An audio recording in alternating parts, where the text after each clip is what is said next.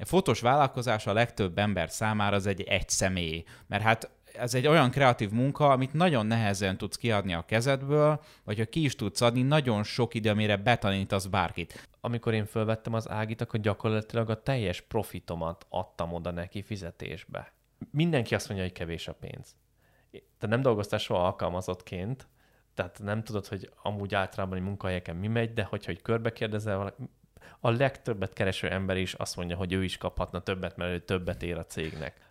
Főleg amikor a, a Ricsit kezdtem el, mint fotós, ugye benyomni munkákra, az elején én gyakorlatilag mögötte álltam, és a hideg leheletemet érezte a tarkóján, mert, mert annyira féltem tőle, hogy nem fogja tudni olyan szinten megcsinálni, és ugye ezt, ezt nem, a hírnevünkkel játszunk akkor, hogyha ha kiadunk a kezünkből egy munkát, és az nem lesz olyan szintű. Halió, sziasztok! Üdvözlünk titeket a Jancsó Fotosuli, szenvedőjünk a fotózás podcastjének második évadának második részében, és itt van velünk Tóth Balázs. Sziasztok! Balázsral az évek során már sok közös videót készítettünk, ezeknek a java részét itt a YouTube csatornámnak a felületén eléritek, amik a portréfotózásról szólnak. Tavaly a portré retusálásról és a stúdiófotózásról is készítettünk egy-egy kurzust, ezeket mind eléritek a leírásban. Balázs lassan 7 éve foglalkozik a fotózással, saját budapesti stúdiójában portré és headshot fotózásra specializálódott, és ebben a részben arról fogunk beszélgetni, hogy a fotózás olyan egy magányos farkas szakma, vagy inkább csapatban érdemes gondolkodni. Szerintem csapjunk is bele azonnal a lényegi kérdésbe, hogy jelenleg hányan dolgoztok ti együtt a stúdióban Budapesten? Most jelenleg négyen vagyunk a csapatomban összesen, és ez úgy néz ki, hogy vagyok én, mint vezetőfotós, és van mellettem a Ricsi, aki az én társfotósom, most senior fotósnak hívjuk őt a csapatban, és van Ági, aki a retusőröm, meg ő az asszisztensem, és mellé még egy negyedik, egy gyakornok is van most már egy Emma, aki meg az ilyen kis háttér munkálatokba segít, kis videókat fölvenni, egyéb ilyen-olyan social media posztokat gyártani és hasonlókat csinál még. Hány év a fotózásból?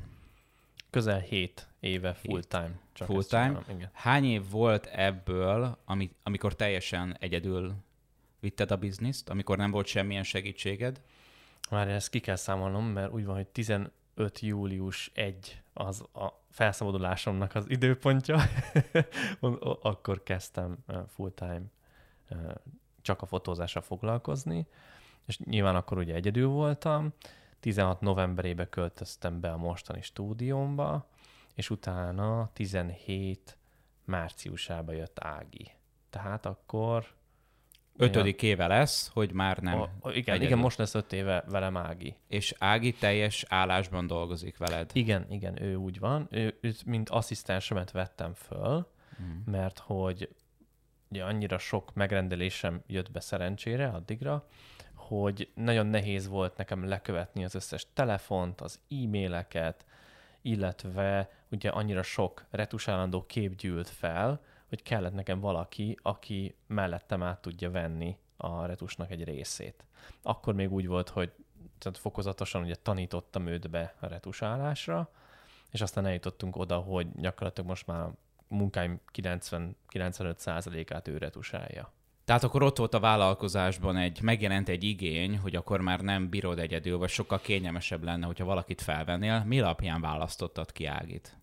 Ez egy nehéz, nehéz döntés volt akkor, még elég ugye, zöldfülű vállalkozó voltam, és nyilván, ami, ugye meghirdettem ezt a lehetőséget, csak Facebookra kiraktam egy posztot, és nagyon sokan megosztották, tehát bármikor, amikor ilyen jellegű dolgot kirakunk, akkor az ilyen több tízezer emberet ér el, mert hogy ebben a szakmában azért nem osztogatják annyira az állásokat, főleg nem a fixálásokat úgyhogy sok, sok érdeklődő volt, és ketten voltak azok, akiket egy ilyen személyes beszélgetésre behívtam, és Ági volt az egyik, és volt egy másik lány még rajta kívül. Az volt az érdekes, hogy a, a másik lányjal elsőre, remélem most Ági ezt nem hallgatja, ezt még ő se tudja, hogy elsőre nekem ő szimpatikusabb volt.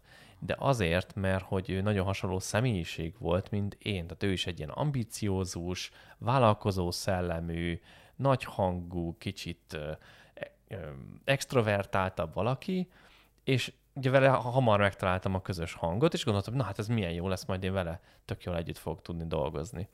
És akkoriban én egy coach hoz jártam, és neki is bedobtam ezt a kérdést, konkrétan elmeséltem, hogy milyen a két jelentkező, és hogy ők itt választana, és mint a kócsok ugye nem mondják meg soha azt, hogy mit csináljál, de hogy rávezetnek a kis kérdéseikkel arra, hogy, hogy a, tényleg a neked megfelelő döntést meghozzad, és aztán arra kell rájönnöm, hogy arra a feladatra, amire szükségem van egy emberre, arra nem jó az a típusú ember, mint én, hiszen pont ez, emiatt kell, hogy valakit fölvegyek, mert hogy én nem bírok mondjuk két fotózás között kiretusálni öt képet, mert egyszerűen nem vagyok ott fejben, annyira fel vagyok pörögve, jár az agyam, inkább telefonálgatok jobbra-balra, van egy fél órám, nem bírok akkor hirtelen lenyugodni, átmenni zendbe és kiretusálni a fotókat, hanem, hanem kell valaki, aki kiegészít engem. És ez, ez volt a, a kulcs benne, és ezért döntöttem végül Ági mellett, és hát baromira nem bántam meg azóta. Valószínűleg a másik jelölt egy fél év után már nem lett volna velem, mert, mert ment volna tovább a saját útjára, hiszen neki se lett volna való ez a pozíció. Uh-huh. Amikor alapvetően beszélünk erről a kérdésről, hogy most így igazából csapatban, vagy egyedül érdemes fotózni, akkor valóban jó, ha van annyi bejövő munkád, hogy valakinek ki tudod azt adni, és jobban tudod ezáltal a vállalkozásodat növelni, és jobban jut arra időd, arra a 70 százalék, hogy van azt hiszem 70-30-as szabály, vagy 80-20-as szabály, hogy az időd 70 százalékával keresed a pénzed 30 százalékát, és az időd maradék 30 százalékával keresed a pénzed 70 százalékát. Ez 80-20? Ezt most nem tudom pontosan, mert de, mindig... de szerintem érted, hogy mire, igen, igen, mire igen. gondolok, és azzal tudsz foglalkozni, azzal a 20 vagy 30 százalék, most mindegy is, akkor, és azt a maradék 70%-ot ki tud adni, akkor anyagilag, anyagilag is jobban jársz, és több időd van egyébként a növekedésre. Tehát abszolút ez a pozitív oldala. De valahogy a negatív oldala a kockázat. Tehát emlékszem, amikor lassan most lesz két év, amikor beütött az első Covid járvány, hogy neked KFT-d van, be van jelentve ugye Ági, tehát ilyenkor neked óriási költségeid is vannak emiatt, amikor felveszel egy embert. Tehát egyrésztről jobban tudsz növekedni, másrésztről pedig kockázatot is jelent, hogy valakiért felelősséget válasz. Mert az az ember érte felelős vagy, nem mondhatod azt neki, hogy Fia, nincs elég meló, úgyhogy old meg a problémádat, azt, aztán elbúcsúzol tőle. Tehát, hogy... Mondhatod, csak de hát ez nem korrekt. Tehát, Vagyis hát... Az üzletben, tehát nyilván, hogy ha, ha annyira nagy a baj, akkor, akkor csak azt tudod csinálni, hogy, hogy elküldött sajnos. Ugye abban a legnagyobb költség az az a betanulási, összeszokási idő, és az a, az a rengeteg tapasztalat, amit ugye átadtál neki az évek során, és hogyha ő mondjuk kénytelen új munka után nézni, ugye ez volt a kockázat itt az első covidos történetnél, hogy nem tudtuk, hogy milyen hosszú kifutása lesz. Szerencsére volt annyi tartalék a cégbe, hogy ki tudtuk húzni azt az időszakot, de hogyha mondjuk tovább tartott volna még három hónappal, akkor már komoly gond lett volna. Mm. Hát akkor már nem tudtam volna én se finanszírozni ezt az átmeneti időszakot, de nem volt, ugye az első két hónap volt nekünk totál nulla bevétel, utána azért elkezdtek felbátorodni, visszajönni az ügyfelek, és, és akkor az év végére egy ilyen 10%-os mínuszba zártuk, tehát az nem volt egy olyan drámai összességében az év szerencsére, de azért nem mondom, hogy ott március 15-én 2020-ban ugyanilyen nyugodt lett volna a hangom, ha akkor kérdezel meg ezekre a dolgokról. Igen, mert... pont erre akartam utalni, akkor neked nagyon sok álmatlan éjszakád volt. Mert nyilván egy nagyon magas fix költséggel megyek, ha nincs bevétel. Ez, ez egy, persze, ez egy kockázat, amit futsz, de enélkül nincs növekedés. És annó amúgy meg, amikor én fölvettem az Ágit, akkor gyakorlatilag a teljes profitomat adtam oda neki fizetésbe. Tehát annyira le kellett mondjak, hiszen nem volt még akkora árbevételünk, akkora profitunk, amiből kijött volna a, az ő bére nevetve, hiszen az kellett hozzá, hogy növekedni tudjunk egy olyan szintre, amikor már megéri őt alkalmazni, hogy elkezdjem őt alkalmazni. Tehát az első részen, amikor felveted, akkor igazából nullára jött ki minden. Igen. Meg az eddigi profitodat, az beleraktad az ő munkabérébe. Hát az gyakorlatilag így volt, igen. És ugye abba bíztam, hogy mivel le tudok neki adni egy csomó melót, ezért én tudok azzal foglalkozni, hogy többet marketingezzek, menjek networking eseményekre, egy weboldalt fejleszek, stb. stb. Tehát olyan dolgok, amik ugye előre viszik a vállalkozást, hogy úgy szokták mondani, hogy nem a vállalkozásodban dolgozol, hanem a vállalkozásodon dolgozol. Ugye az a vezetőként ez a, ez a fontos dolog. És akkor mai napig ezt nem is bántad meg, tehát ez egy jó döntés volt, még egyelőre a kockázatok, amit tudatosan vállaltál egyébként, tehát tudtad jól, hogy ezek a költségek fognak meretelni. Csak én is elgondolkoztam egyébként ezen, és valahogy én egyébként nem hiszek valahogy a 8 órás állásban. Azért nem, mert én nagyon projekt alapon gondolkozom. Tehát, hogy most nekem van egy, mondjuk mondok neked valamit, esküvői retus. Én nem akarom az esküvőimet én retusálni, mert szerintem más is meg tudja ezt oldani. Én kiadom az esküvői retust. Ez egy projekt. Tehát, hogy nekem az, hogy az esküvői képeket elkészíted, és feltöltöd nekem, és ezzel nem nekem kell foglalkozni, ér nekem, most mondok valamit, 80 ezer forintot. Engem nem érdekel az, hogy mondjuk ezt a retust te egy óra alatt megcsinálod egy, mert annyira gyors vagy, vagy egy AI-ba bedobod, és 5 perc alatt meg vagy, vagy elküldöd egy indiainak, aki megcsinálja 5 dollárért, vagy 5 napot rajta ülsz. Nekem az a lényeg, hogy az a munka egyébként meglegyen, és nekem ennyit ér. Tehát én valahogy abban a munkafelfogásban nem hiszek, hogy valakit mondjuk 4 órára, 6 órára vagy 8 órára jelentünk be, mert nem tudom, hogy ennyi idő alatt mennyi munkát tud egyébként elvégezni. Tehát ezért vagy egy picit az ilyen bejelentett óra alapú elszámolás ellen, mert nem tudom, mennyi munkát tud, milyen teherbírása, hanem projekt alapon. Nálatok hogyan működik? Órá, 8 órára van bejelentve, vagy 6-ra, vagy ez mennyire szoktatok túlnyúlni rajta, ha több munka van, helyszíni fotózás, hétvége, hogy működik ez ilyenkor nálatok?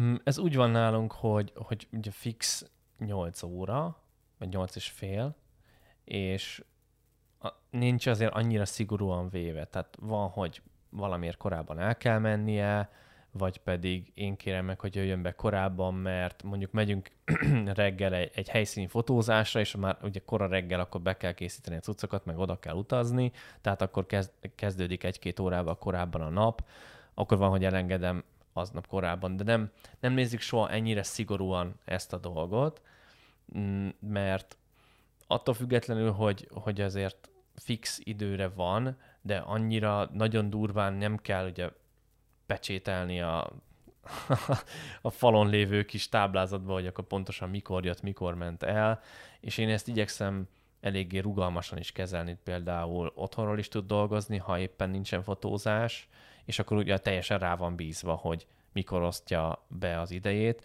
bár azért van egy, mivel hogy az ügyfél kapcsolatokat is ő kezeli, ő veszi fel a telefont, ezért az egy elég fix dolog, hogy úgy 9 és fél hat között azért fel kell venni a telefont, de most a közbe főz, vagy ilyesmi, nekem tök mindegy. Hát úgy tudja ez megérni, nyilván, hogyha csak kevesebb projekted van, akkor tényleg nem érdemes fölvenni valakit.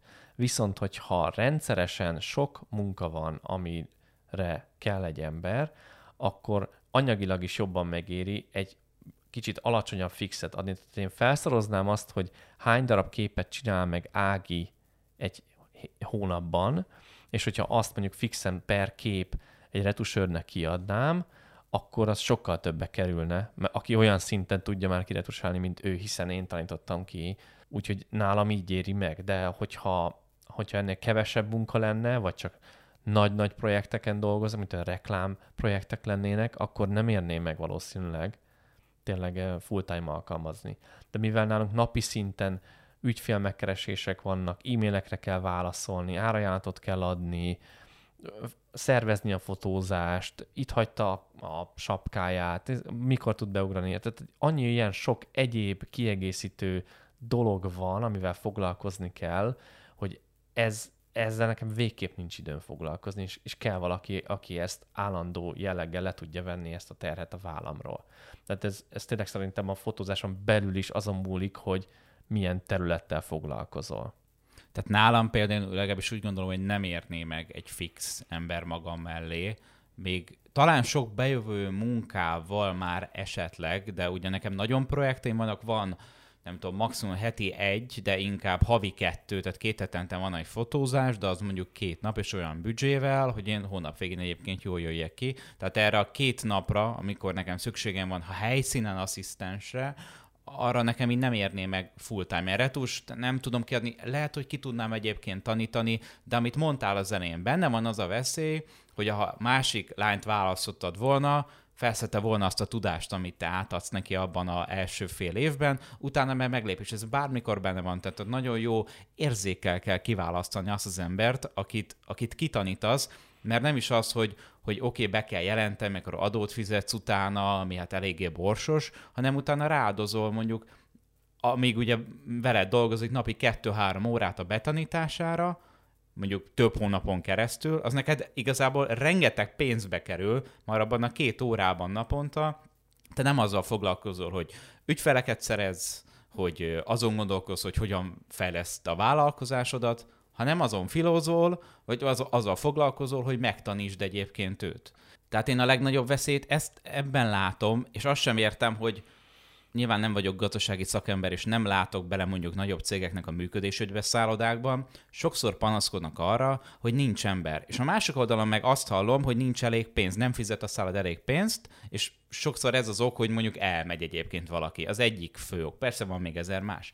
És akkor nem értem, hogyha tényleg ez a konfliktusnak a forrása, nem érné meg 20-30-50 ezer forinttal többet adni neki? Mert ha valaki egyébként jön egy új ember a helyére, megint kezdődik előről, magas lesz a fluktuáció, és rengeteg energia, idő megy egyébként a többi alkalmazott kárára, a többi alkalmazott idejének a kárára, és ő nem tud addig termelni egyébként a cégnek. Persze nem látom pontosan az összefüggéseket, csak ezt, látom nagyon nagy kockázatnak, hogyha valakit arra adod a fejedet, hogy kitanítod, hogy neked az, egy, az a leges-leges legnagyobb kockázat, mert bármikor azt mondja, köszönöm szépen, nekem elég volt, és meg, megalapítom a fotós, saját fotós vállalkozásomat ez benne van a pakliban, és ezzel, ezzel ellen nagyon nem is tudsz mit csinálni. Tehát lehet írni bármilyen szerződést, amiben kiköthetsz, de akármint, nem fogsz bíróságra járni öt éven keresztül, hogy bizonyítsad az igazadat. Tehát viszont nekem az a tapasztalatom, hogy nagyon, nagyon-nagyon nehéz vállalkozói fejjel gondolkozni. Tehát, hogyha valaki egy kiváló szakember,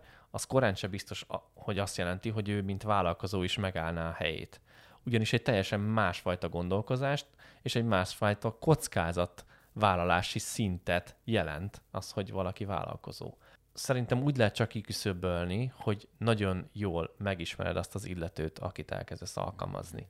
Beszélgetsz vele folyamatosan, havonta igyekszem leülni Ágival, meg az összes többi csapattagommal, kikérdezgetem, milyen céljaik vannak, hogyan állnak otthon a dolgaik, mit szeretnének elérni, milyen terveik vannak, és annak én hogyan tudok az ő számukra ebben segítséget nyújtani. És ennek egy része csak a pénz. Mindenki azt mondja, hogy kevés a pénz. Te nem dolgoztál soha alkalmazottként, tehát nem tudod, hogy amúgy általában egy munkahelyeken mi megy, de hogyha hogy körbe kérdezel valaki, a legtöbbet kereső ember is azt mondja, hogy ő is kaphatna többet, mert ő többet ér a cégnek. Tudod, volt egy ilyen uh, sztori is, hogy valamilyen konferencián, itt volt Magyarországon, de lehet, hogy csak így, így ez volt az olvasata, hogy körbe kérdeztek egy ilyen, hogy hogyan növeld a, a bevételedet a cégedbe című konferencia, és megkérdezte az előadó, hogy ki gondolja úgy, hogyha egy éven belül, vagy három éven belül megduplázná a, a cégének a bevételét, akkor megoldódna minden problémája, ami miatt itt van.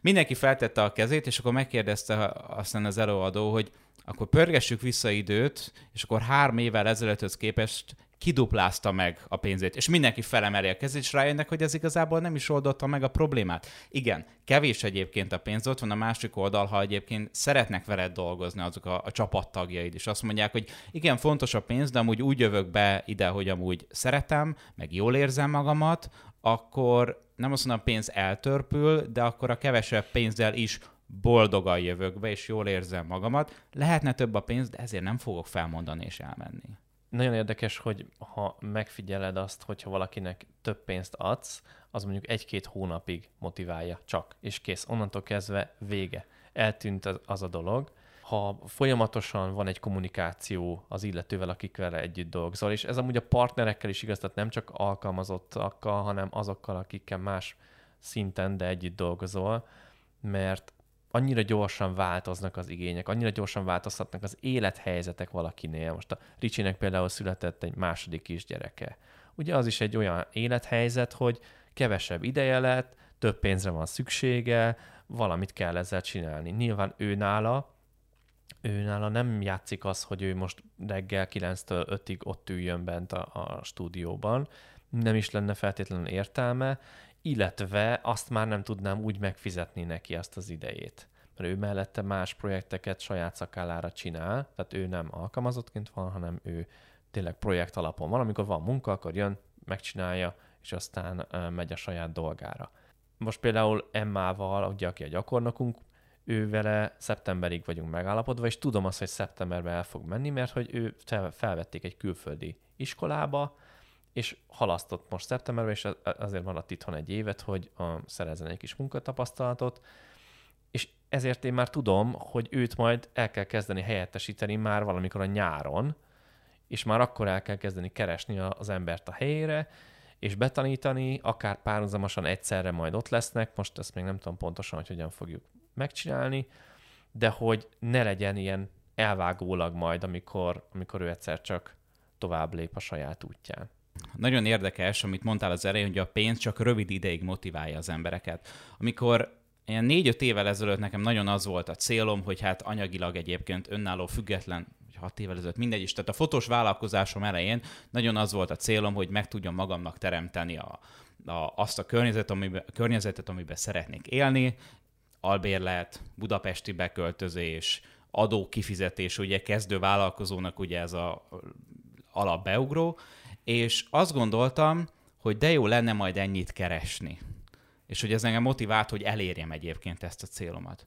De hogy telmúlt, telmúlt az idő, és elértem, utána egy következő lépcsőfonkra lép mindig a vállalkozó, és mindig következő cél tűz ki maga elé, és nagyobb kereset, több munka, magasabb árak, és így idő után, amikor mindig megugorja az ember, akkor azt gondolja, hogy akkor megvan ez a bevétel, akkor megnyugszik. És nem, hanem azt mondja, oké, okay, ezt elértem, akkor még egyet tovább szeretnék menni. És hol van az a, az a lépcsőfok, ahol köszönöm szépen, és nekem elég volt, és, és nem akarok egyébként többet dolgozni, mert nekem ez a szinte elég. Én nagyon igyekszem, és nagyon sokat dolgozok azon, hogy ez így egyensúlyba legyen, de hogy a pénz nem motiválja az embert, ez, ez nekem el kellett telni egy három-négy évnek, miután hallottam, mindenféle tudományos kutatás hivatkoznak, hogy nem. De amikor ott voltam abban a szituáció, hogy hogy, hogy nem motivál, hát ha én ezt a pénzt megkeresném a mostanik a dupláját, akkor el tudnék költözni otthonról, biztosan ki tudnám fizetni a katát, kezdő vállalkozásos életeim, kezd, kezdő vá- vállalkozásom első két éveben ugye ezek voltak itt a, itt a célok, és ahogy elértem, akkor azt gondoltam, hogy a pénz volt a motiváció, nem a pénz volt, hanem a pénz által megvalósulni vágyott állam, hogy ilyen Budapesten élhessek, mondom, ez ilyen hat éve volt, vagy öt, és, és rájöttem, hogy valóban nem, eng- azt hittem, hogy a pénz motivált, de nem a pénz motivált, amit ezáltal meg tudtam magam körül egyébként teremteni. Én is abszolút így gondolom, hogy, hogy az számít, amit a pénz által ugye meg tudsz vásárolni, és ezáltal az élet színvonaladat tudod növelni. És az a nehéz benne, hogy ugye ahogy elkezdesz több pénzt keresni, azok az igényeid is elkezdenek hozzánőni. Tehát akkor már ugye kevésbé tudod megbecsülni, hogy mint az esetedben, hogy oké, okay, beköltöztem Budapestre, jaj, de szuper. Na jó, de azért nem olyan nagy ez a lakás, amiben beköltöztem, de jó lenne még egy szoba, meg, meg jó, esetleg egy kert, fú, hát akkor ugye még több kell. Tehát nem tudunk itt megállni, de amúgy ez nem minden emberre jellemző ám. Szerintem sokan vannak vele úgy, hogy vagy legalábbis vágynak rá, de nem motiválja őket annyira, a lustaságuk az erőteljesebb annál, mint a vágyuk az újabb szintre lépéshez, és ezért nem teszik meg azt, amit kell, hogy eljussanak egy következő bevételi anyagi szintre. És komoly pénzek árán kellett megtanulnom, a, rengeteg pénzt fizettem kócsoknak is azért, hogy segítsenek a fejemben rendet tenni ezzel kapcsolatban, mert egyfajta örökös elégedetlenséghez tud elvezetni ez a, ez a fajta gondolkozás. Tehát tök jó, hogy hajt előre, de ugyanúgy mellette ott van egy ilyen folyamatos elégedetlenség és folyamatos bosszankodás, hogy hú, ez tök szuper, hogy elértük, na de miért nem több? De jó, hogy elértem, a, kimaxoltam a katát, de, de miért nem tudtam többet csinálni? Ja, akkor maxoljunk ki még egy katát, vagy, vagy akkor, akkor csináljunk meg a KFT-t, mert ez, hogy ez egy ilyen örökös hajtóerő, és meg kell tanulni visszanézni, és megünnepelni ezeket a mérföldköveket, amiket sikerült elérned. Nekem ilyen hajtóerő volt, hogy nagyon szeretnék egy saját különbejáratú stúdiót, amiben nem lakom ott, hanem oda csak dolgozni járok. És aztán ez megvalósult, és és azt vettem alapnak, tehát utána nem, nem az volt, oké, okay, ugyanaz, mint a pénz. Tehát egy-két hónapig, ó, tök jó, szívesen mentem dolgozni, de szerettem, és minden szuper volt. Utána meg már néztem a következő lehetőségeket, hogy jó, hát most meg akkor még fel kéne szerelni még ezzel azzal, meg akkor most már kéne lassan egy kocsi, amivel tudok menni a mindenféle vidéki munkákra, akár meg bringázni, meg tehát, hogy állandóan nőnek ezek az igények, mert ha bármilyen szinten frusztrálódsz amiatt, hogy még nem értél el elég gyorsan arra a szintre, nagyon könnyűbb belesni, hogy összehasonlítgatjuk magunkat másokkal. Nekem is ugye én, én közgázt végeztem, és az évfolyam társaim között vannak most már olyanok, akik vezérigazgatói szinten vannak nem kicsi cégekbe. Hm. És azért úgy elgondolkozom rajta, hogy hú, hát mi lett volna, ha maradok a szakmában. Ők azért nagyon komoly milliós fizetéseik vannak, kocsi, telefon, minden fizetve mellé, és hogy ahhoz képest gyakorlatilag ugye erről mondtam le valamilyen szinten, és, és járom a saját utamat, de azt kell figyelembe vennem mellette, hogy és boldogabb lennék, ha azt csinálnám? Nagyon nagy valószínűséggel nem. És megér nekem esetleg lemondani erről a pénzről, meg erről a juttatásról, arról nem is beszél, hogy nekem legalább van még további növekedési potenciál abban, ahol tartok, mert hogy a vállalkozónak pont ez a lényege, hogy nincs felső limit ugye azon, hogy mennyit kereshetsz. Szeretnél még új embereket bevinni akár a csapatba? Én mindenképpen. És az milyen pozícióban? Mert ugye van most a Ricsi, aki egy second shooter, uh-huh. junior, senior, vagy? Hát seniornak hívom az Szen- már senior, két év után, igen. Ugye egy asszisztens, meg Emma, aki ugye szeptemberben egyébként ugye elmegy a külföldi Ki tudsz még egyébként bevonni? A fotós vállalkozás a legtöbb ember számára az egy egy személy, mert hát ez egy olyan kreatív munka, amit nagyon nehezen tudsz kiadni a kezedből, vagy ha ki is tudsz adni, nagyon sok idő, amire betanítasz bárkit. Te tudod, hogy aztán retusra mennyi idő volt betanítani egyébként Ágit, Ricsinek is megtanítani nagyjából olyan, mert nyilván mindenkinek különböző látásmódja van, különböző perspektívája, és úgy megtanítani neki, hogyha valaki eljön fotózásra, azért nagyon hasonló képeket kapjon, mint amit mondjuk lát a weboldalon, amik ugye a te fotóid. Mi lett volna az alapvető kérdés? Az, hogy, hogy még, még kit akarsz még fölvenni. Akkor Normális kérlek válaszolj. Igen, hát ugye az egy, azért az egy bevett dolog, hogy retusőrrel dolgoznak együtt nagyobb fotósok, az mondjuk ritka, hogy fölveszik alkalmazásba, én abból a szempontból gondolkozom egy kicsit más, hogy talán, mint ugye a magyar fotósok többsége, hogy én vállalkozást szeretnék belőle építeni. Mert amíg te csak egyedül vagy mint vállalkozó, addig igazából nem vagy vállalkozó, hanem magadnak adsz fizetést. Tehát saját magad alkalmazottja vagy, de ugye nem tudsz elmenni szabadságra, mert akkor nincs bevétel. Nem tudsz lebetegedni, mert akkor sincsen bevétel tehát nincs meg az a fajta vállalkozói szabadság, mint amit most én már úgy nagyjából kezdek kialakítani, hogy nem is kell bemennem akár aznap, és akkor is meg tudja mindenki csinálni a saját dolgát mindenkivel. Tisztában van, megvannak azok, hogy kinek mi pontosan a feladatköre, és, és lekezelik szépen az ügyfeleket, és megcsinálják a fotózást. Nem érzed kicsit bullshitnek azt, hogy létezik önjáró vállalkozás? Mert ebbe én nem hiszek, bár nem vagyok még ilyen magaslati szinteken, hogy amúgy belelássak egyébként akár egy 10 plusz fős vállalkozásnak az életébe, tehát ezt így nagyon kívülállóként érzem így, hogy, hogy hogy ki lehet adni olyan szinten a munkákat, hogy az tényleg egy önjáró vált. Tehát ez sok marketingest mondja, és egy kicsit úgy érzem, hogy ezek ilyen mézes madzag címsorok, hogy önjáró vállalkozás, és te nem vagy ott, az működik magától, valahogy mindig szemmel kell tartsd a céget. Nem azért, mert mondjuk ne jönnének ott jó szakemberek, vagy ne bíznál meg bennük, hanem mégiscsak a saját vállalkozásod 5-10 év, vagy még többet beleöltél, és akkor most elmész, és két hétig rájuk se nézel. Tehát, hogy ez hogy lehetne kibírni egy ilyen szituációban, nem tudom. Úgyhogy amikor te mondjuk nem mész be, és ott Ricsi, Emma, Ági intézi a dolgokat, akkor egyáltalán nem vagy frusztrált, hogy megbízol bennük, és jó szakemberek, de hogy mégse vagyok ott. Ez nem... Nyilván ez, ez egy tanulási folyamat volt a részemről is, tehát nem ez volt egyik napról a másikra, akkor elengedtem mindent, aztán csináljátok gyerekek. Főleg amikor a, a Ricsit kezdtem el, mint fotós, ugye benyomni munkákra, az elején én gyakorlatilag mögötte álltam, és a hideg leheletemet érezte a tarkóján, mert, mert annyira féltem tőle, hogy nem fogja tudni olyan szinten megcsinálni, és ugye ezt, ezt nem tehát a hírnevünkkel játszunk akkor, hogyha ha kiadunk a kezünkből egy munkát, és az nem lesz olyan szintű, és hogyha nincs úgy olyan módon befotózva a kép, akkor azt retussal se lehet megmenteni. És, és aztán utána már hátrébb ról figyeltem, csak aztán megcsináltuk azt, hogy kijátszottam a Capture One képernyőjét a, a laptopomra a másik szobába, és akkor élőbe követtem, hogy hogyan jönnek fel a képek, és láttam, hogy valami nem úgy van, nem tudom, felakadt a haja a vállára a csajnak, és nem vette észre, vagy a fényekbe nincsenek túl jó helyen az árnyékok, akkor átsétáltam, és oda súgtam a Ricsi fülébe, vagy csak így lazán odébb löktem a lámpát, hogy ez a helyére kerüljön, és ilyeneket csináltunk, és akkor aztán, aztán eljutottunk arra a szintre, ahol most vagyunk, hogy már hagyom, hogy teljesen ő csinálja meg a fotózásokat, bízom benne, hogy jó lesz. Persze tudom azt, hogy ha én csinálnám, akkor még esetleg mi lett volna más, de visszanézzük együtt a képeket, és megbeszéljük minden egyes embernél, hogy mi, hogyan volt, mit lehetett volna esetleg másképp csinálni a jövőben. Tehát, hogy egy folyamatos visszajelzést kap, és ezáltal fejlődik ezt is amúgy kulcsnak tartom még abban, hogy az embereidet megtartsd, hogy folyamatosan oda kell figyelned a fejlődésükre. A célom az, hogy úgy tudjunk növekedni, hogy én még több fotózás tudjak leosztani magam mellett.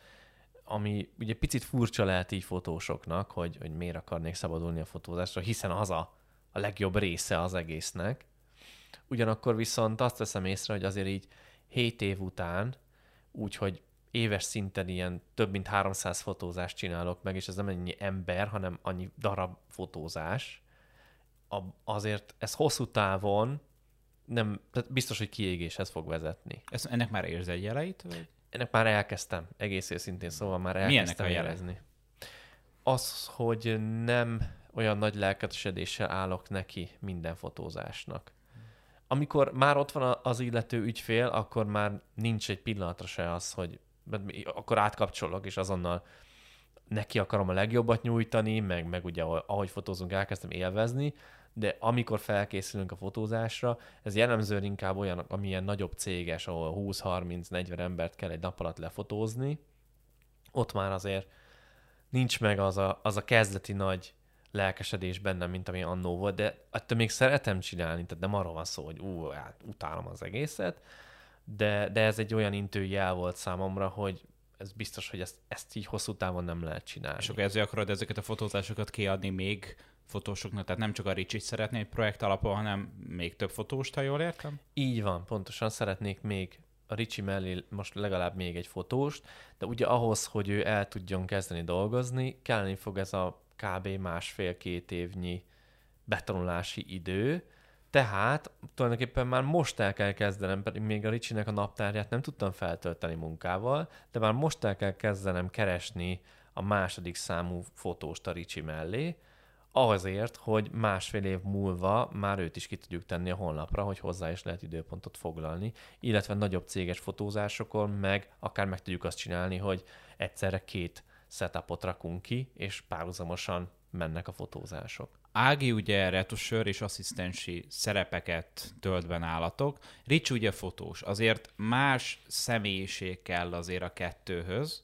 Szerinted milyen fotós az, aki a te csapatodba egyébként még így személyiség egy alapján beleillene? Az a helyzet, hogy azt tapasztaltam, hogy ahhoz, hogy valaki nagyon jó portréfotós legyen, elengedhetetlen az, hogy egyfajta nyitottság legyen a személyiségében is, legyen egy jó beszélőkéje, szívesen legyen az emberek környezetébe, tehát mindenképpen egy olyan ember kell, aki amúgy egy társasági ember. És szerintem, vagy legalábbis eddig nagyon jól működött az, hogy a Ricsi is azért hasonló karakterű, mint én.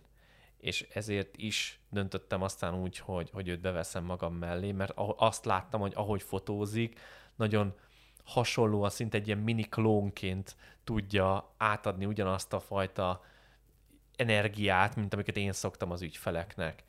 Persze most ki lehetne egészíteni egy olyannal, hogy van egy, egy kicsit visszahúzódóbb fotósunk is, aki egy, nem tudom, egy halkapszavú valaki, de ugyanakkor meg az, ugye én vagyok a cégnek az arca, azért továbbra is ezt meg szeretném tartani, tehát én vonzom be, az én személyiségem vonza be az ügyfeleket, és ezért szuper jó a Ricsi, mert hogy nem akkora a különbség abban, hogyha valaki velem fotózik, vagy ő vele.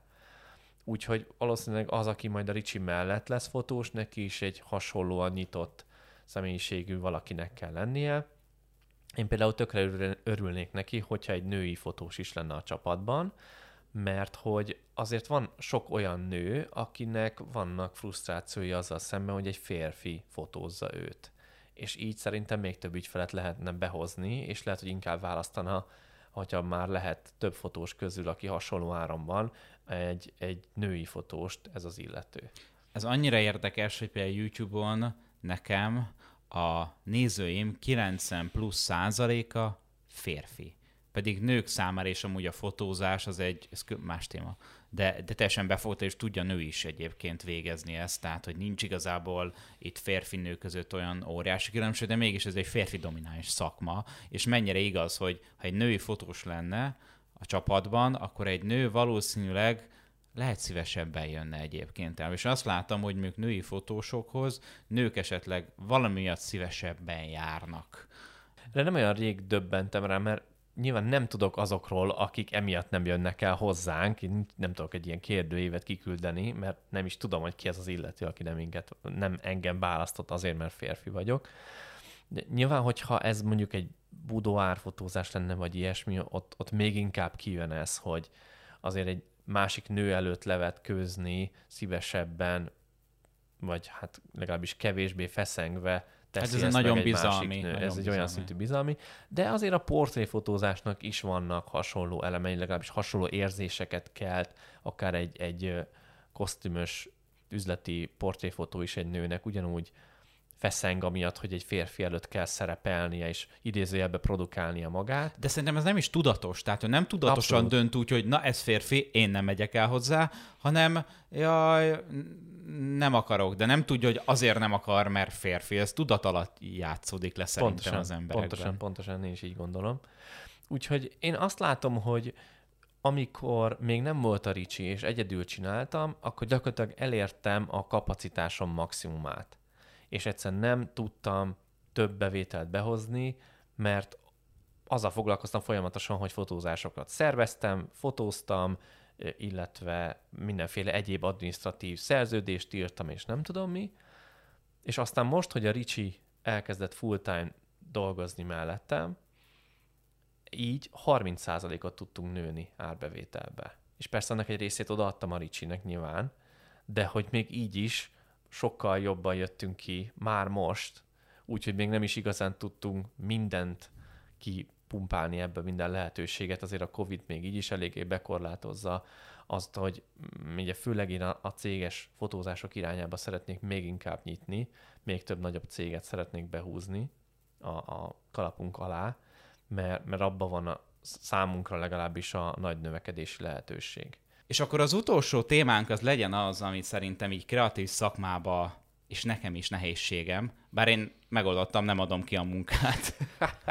De igen, tehát, hogy hogyan adjuk ki egyébként a munkát, mert hát az nem lesz olyan. Én tudom jól, hogy ezeket a különbségeket amúgy, ezek annyira picik, hogy csak te meg én veszük észre a saját munkánkkal kapcsolatban. Az ügyfél nem veszi észre, egy másik fotós is nehezen veszi egyébként észre mondjuk ezt a különbséget. Én is próbáltam kiadni mondjuk retust, ilyen egy-egy apróbbat ki tudtam, de az, hogy én szeretem ezt a munkafolyamatot, tehát nem akarom kiadni egyébként a retust, mert én, én nekem a munkafolyamatomnak a része, hogy behúzom a fotókat, mellette megy egy podcast, mellette megy valami oktatóanyag, és utána én retusálok már úgymond automatán. Tehát nekem nem, nem annyira nyűg. Akkor jönne esetleg jól, ha valami nagyon határidős. Persze, oké, hogy ez egy önjáró vállalkozás legyen, és nekem csak fotózni kelljen, és mondjuk retus, mint nálad az Ági, nálam csinálja valaki, vagy elkészítse ugye ezeket a képeket, de valahogy én szeretem. Egy portréfotózás, de aztán ha nincs igazam, akkor nyugodtan érve le. Szerintem sokkal monotonabb,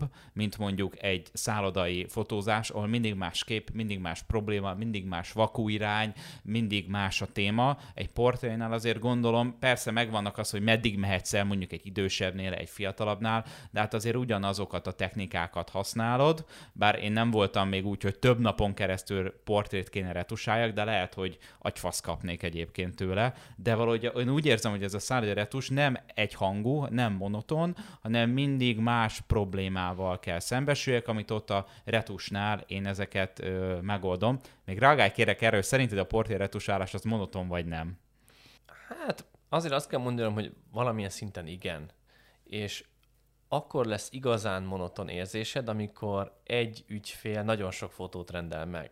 Örülünk neki, mert egy csomó pénzt ott hagy, de amikor mondjuk 30 fotót és mondjuk 30 headshotot kell valakiről, ugyanarra az emberről kiretusálni, mert nem tudta eldönteni, hogy melyiket akarja, sok pénze van, és azt mondja, hogy tudod mit, én nem akarok dönteni, csináljátok meg azokat, amiket én most itt gondolok, és mondjuk az 30 darab, és amikor ugyanaz az arc, és már pontosan tudod, hogy minden egyes pici kis rezdülésén, hogy hol van neki az az egy kis pattanás, hogy a melyik orrából jön ki egy pici szőrszál, és nem tudom melyik szeme, hogy van bevérezve, e, az, az azért tényleg eléggé monoton tud lenni. Ezek a szüneteket kell tartani, vagy közben egy kicsit másokat fotózni. Viszont amikor fotózunk mondjuk egy cégnek és 30 embernek a 30 fotóját kell kiretusálni, tehát de, de mindegyik más ember, tehát 30-szor egy darab képet, akkor sokkal jobban élvezi az ember. Mert ó, akkor egy új arc, ó, akkor neki, mint amiket te is elmondtál, akkor máshogy lóg az a, nem tudom, az a tincsot neki, neki olyan, hogy az egyik szeme nagyobb, mint a másik, vagy a szemüvege más színűen tükröződik. Tehát ott is vannak ugyanilyen megoldandó feladatok, amin egy kicsit el lehet gondolkozni, hogy ezt hogyan tudod megcsinálni. És válaszolva a felvetésedre, én is azt gondolom, hogy az ügyfelek nagyon-nagyon kevés, tehát annyira nagyon szúrós szeműen kéne nézniük, hogy észrevegyék, hogy Ági csinálta, vagy én csináltam a retust, hogy, hogy nincs igazán jelentősége ennek. És van az a szabály, hogyha valaki más meg tudja csinálni ugyanazt a munkát olyan mondjuk 80%-os szintre a tiédhez képest, akkor már megéri inkább őt választanod magad helyett. És ezt ugye te is, meg én is eléggé maximalisták vagyunk magunkkal, meg a munkánkkal szemben, és arra építettük föl tulajdonképpen a brandünket, hogy mi a non plus ultrát nyújtjuk. Tehát egy olyan külföldi színvonalat igyekszünk elérni a munkánkkal, amit nagyon kevesen tudnak utánunk csinálni. És ezt is kommunikáljuk, és e- ez emiatt ugye nem engedhetünk egy bizonyos minőségi szint alá semmilyen munkát a kezünkbe kikerülni, mert az akkor a hírnevünkkel játszanánk. Ki csinált ezt a képet? Tehát nézd meg, nincsenek jól visszaillesztve a panorámák. A Jancsó Gergő, ő, aki ennyire oda van magától, meg ilyen árakon dolgozik, hát hogy adhat ki a kezéből egy ilyet? De az elején amúgy a retusálással is úgy csináltuk, hogy minden egyes képet én leellenőriztem, mielőtt kiküldtük az ügyfélnek, viszont azzal meg az volt a baj, hogy utána nem érezte Ági azt a felelősséget, hiszen benne hagyhatott hibát, mert én majd úgyis kiszúrom, onnantól kezdve viszont, hogy ő direktben most már kiküldi a képeket az ügyfélnek, és csak néha szoktuk vele is visszanézni azokat a képeket, hogy úgy beszélgessünk róla egy kicsit. Így azért már ő is sokkal alaposabban odafigyel a, a munkájára. Minden ilyen leadott munkánál én, én azt próbálom figyelembe venni, hogy hol van az én valódi hozzáadott értékem a vállalkozásomhoz. Mi az, amit csak is én tudok a cégbe csinálni, vagy csak én tudom a legjobb szinten csinálni azért, hogy azt még több ügyfelet vonzod, vagy magasabb értéken tudjuk eladni ugyanazt a szolgáltatást, amiatt, mert én csinálom valamelyik részét. És minden olyan egyéb dolog, amit más is meg tud csinálni, és nincs akkora jelentősége a bevétel és a profit szempontjából, azt igyekszem leosztani.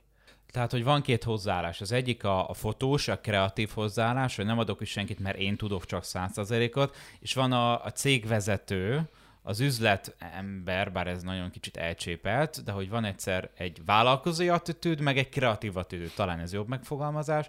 A vállalkozói attitűd azt mondja, hogy a minimum 70, hogy a 70%-a meg tudja másik csinálni, akkor ad ki, és nem fogja senki észrevenni ezt a 30%-ot. A kreatív fotósén azt mondja, hogy de hát te adja munkád, és a 30%-ot is légy szíves, ad bele, aztán vállalkozó, vagy válaszol a vállalkozóénet, hogy de figyelj már, te fotós, ilyen hú, milyen skizofrén fotós lehet ez. Figyelj, senki nem fog egyébként észre ezt a 30%-ot, és igazából neked most ez fölösleges időbe, azaz pénzbe kerül. Úgyhogy te erre most ráldozol akkor annyi pénzt, hogy senki se vegye észre azt a plusz 30%-ot? Huha, akkor racionálisan megpróbálta a skizofrén fotós meggyőzni magát, hogy adja ki a munkát. Nekem ez nagyon nehezemre esik, de az ezzel a szerencsém, hogy én szeretem ezt a, ezt a folyamatot, és nagyon kevés mindent tudnék kiadni, de ki is kéne adni valahogy nagyon-nagyon-nagyon nehezemre esne. Nekem ez még ilyen, ilyen küzdös, de mondom, kevés olyan dolog van, amit ki kéne egyébként adjak. Nincs annyi bejövő munka, és nem is tehát nem törekszem arra, hogy legyen annyi. Hát lehetne, én ezt többször mondtam neked, hogy lehetne, de de, de nekem így ez kényelmes. Pontosan, és ez, ez fontos, hogy nem kötelező mindenkinek arra hajtania, hogy saját KFT legyen és öt embere, mert lehet, hogy ő kiéli magát egy bizonyos szinten, hogyha ki tudja maxolni a katáját, ő neki ez bőven elég arra, hogy, hogy kiélje a kreativitását, nincsen egyéb jogi hercehúrsz, amikkel foglalkozni kell, nem kell annyi ügyfelet lekezelni, és a többi, és a többi, ami ezzel jár, és teljesen rendben van az, hogyha valaki így érez. Egy dolgot nem szeretek, amikor valaki panaszkodik, amiatt, hogy mondjuk nincs elég bevétele, de nem teszi meg azt a pluszt. Legyünk tisztában azzal, hogy mik a céljaink, és hol érezzük jól magunkat, és ahhoz tartsuk magunkat. Én még mindig nem vagyok elégedett azzal, mert én úgy érzem, hogy ennél sokkal többet ki lehet hozni abból a vállalkozásból, amit elkezdtem fölépíteni, és ez hajt előre minden nap, hogy, hogy csináljam, és ettől lesz jobb és jobb mindig. De, de most is azt mondhatnám, hogy köszönöm szépen, ez így is elég szép dolog, amit elértem, és akkor ezt a szintet lőjük be, fagyasszuk be. Az, az én nekem az a tapasztalatom, hogy az a vállalkozás, amelyik nem növekszik, az elbukik.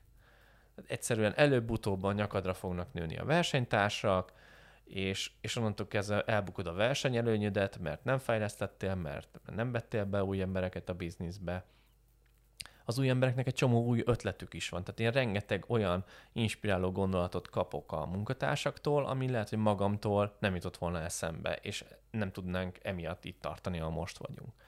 Tehát nem, nem csak az a része van, hogy én osztom a feladatot mindenkinek, hanem van, akivel megoszthatom a gondolataimat, és ez egy óriási segítség. És tudod, sosem az a kérdés, hogy mennyit keresel, hanem hogy mennyi idő alatt, hogy mi az órabéred nagyon szépen hangzik az, hogy valaki keres, nem tudom, 2-3 millió, vagy legyen csak 1 millió forint. Csak idézőjelbe 1 millió forint az a, az a kereset mondjuk a fotózással. De ha napi 18 órát dolgozik, heti 7 napot, ha leosztod órabérbe, akkor már az annyira nem jó. De ha arra törekszel, hogy ugyanezt az összeget keresd meg mondjuk negyed ennyi munkaidő alatt, na az már cél. Jelenleg én most nagyon elkanyarodtunk a témától, nekem ez a célom jelenleg, hogy minél mu- kevesebb munkaórával tartsam ugyanazt az anyagi ö, bevétel szintet.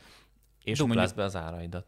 Ja, igen. Ennyi. Ö, nekem ez egyébként így a célom, nem a mennyiségi, hanem valahogy kicsit inkább a minőségi növekedés. Jelenleg, és lehet, hogy egy év múlva máshogy fogom gondolni én kicsit egyébként itt jobban azt a álláspontot képviseltem, hogy nem azt mondom, hogy jobb fotósként, hanem jelenleg az én saját perspektívám alapján én szeretném egyedül, egyedül tovább vinni, te pedig minél több emberrel szeretne dolgozni, bár más szegmensben is dolgozunk, és mind a kettő perspektíva fontos, hogy valaki mérlegelje, hogy fel szeretne venni maga mellé embert, asszisztens, retusölt, vagy egy másik fotós, mennyi munkát tud kiadni, szerintem ahányféle szegmens, ahányféle ember, annyiféle megoldás létezik egyébként erre. Köszönöm szépen a meghívást, én is örülök, hogy így megoszthattam a gondolataimat.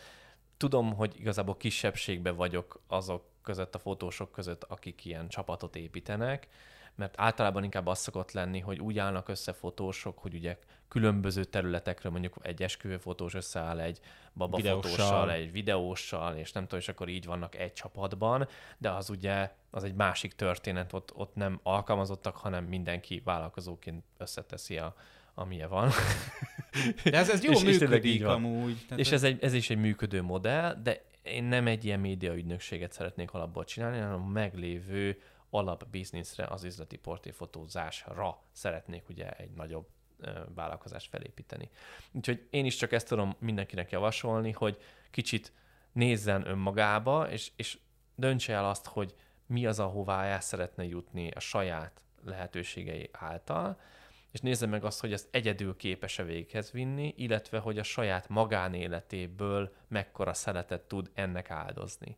És lehet, hogy azt mondja majd valaki, hogy ő, neki megéri inkább otthagyni akár havi szinten több százer forintot az asztalon, de cserébe több időt tölthet a családjával, és akkor neki tulajdonképpen idézőjelben ennyibe kerül az, hogy a családjával dolgozik, amit durva így kimondani, de, vagy nem dolgozik, de a családjával időt tölt. És ez durva így kimondani, de ez konkrétan így van. Tehát becseréled az idődet arra, hogy, hogy cserébe lemondasz bevételről. Szuper végszó. Köszönöm, hogy itt voltál. Én is köszönöm még egyszer. Nektek pedig köszönjük szépen, hogy itt voltatok velünk. Hamarosan találkozunk a következő részben, a harmadikban. Sziasztok!